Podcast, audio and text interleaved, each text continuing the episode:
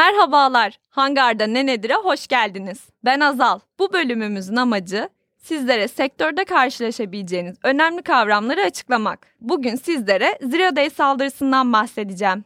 Zero Day kavramı NIST tarafından bir donanım veya yazılımın önceden bilinmeyen güvenlik açıklarından yararlanılan saldırılar olarak tanımlanmıştır. Türkçe'ye sıfırıncı gün saldırısı olarak geçmiş bu saldırılar oldukça tehlikelidir. Bunun sebebi ise daha önceden bilinmediği veya tespit edilemediği için geliştiriciler tarafından zafiyete karşı çözüm üretilememesidir. Bu sebeple Zero Day saldırılarının başarılı olma ihtimali oldukça yüksektir. Bulunan zafiyetler çeşitli platformlarda saldırganlara veya devletlere diğer ülkelerin kritik altyapılarına saldırı için yüksek fiyatlarda satışa çıkarılmaktadır. Bunun bir sonucu olarak da Zero Day saldırılarına hedef alınan kişiler veya kuruluşlar için büyük tehlike arz ettiğini söyleyebiliriz. Sıfırıncı gün atakları gerçekleştiren saldırganlar amaçlarına bağlı olarak siber suçlular, hacktivistler ve kurumsal casuslar olarak ayırabiliriz. Peki saldırganların potansiyel kurbanları kimlerden oluşuyor?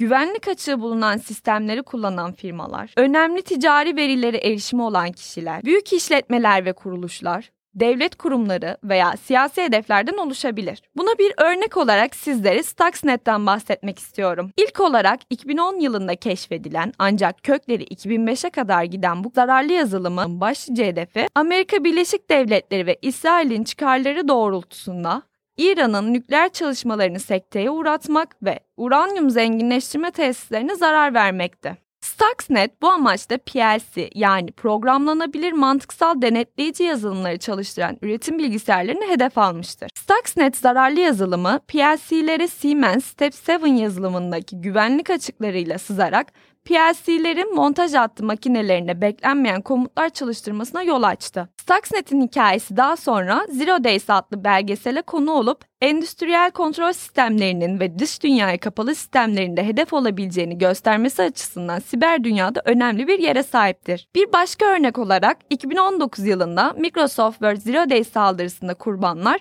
farkında olmadan kötü amaçlı bir Word belgesini açan insanlardı. Belgede kullanıcılardan erişim talep eden bir açılır pencerede uzak içerik yükle istemi görüntüleniyordu. Kurbanlar evet seçeneğine tıkladığı anda bankacılık oturum açma kimlik bilgilerini kaydedebilen kötü amaçlı yazılım cihazı yükleniyordu ve bu şekilde kullanıcıların kişisel banka hesaplarına erişim sağlanabiliyordu. Bu Zero Day saldırısı mümkün olduğunca çok kullanıcı yakalamayı hedeflemiş ve zarar vermiştir. Son olarak Zero Day saldırılarından nasıl korunulmalıdır sorusunu cevaplamak istiyorum. Bireylerin, kurum ve kuruluşların Zero Day saldırılarından korunması için tüm yazılımları ve işletim sistemlerini güncel tutulması, güvenlik duvarı kullanılması, kapsamlı bir antivirüs yazılım çözümü kullanılması, çalışanlara bilgi güvenliği farkındalık eğitimi verilmesi, sistemlerin uzmanlar tarafından daha ayrıntılı incelenebilmesi için çeşitli bug bounty programları yürütülmesi, Red Team hizmeti alınarak sistemlerin hacker bakış açısıyla düzenli olarak kontrol edilmesi oldukça önemlidir.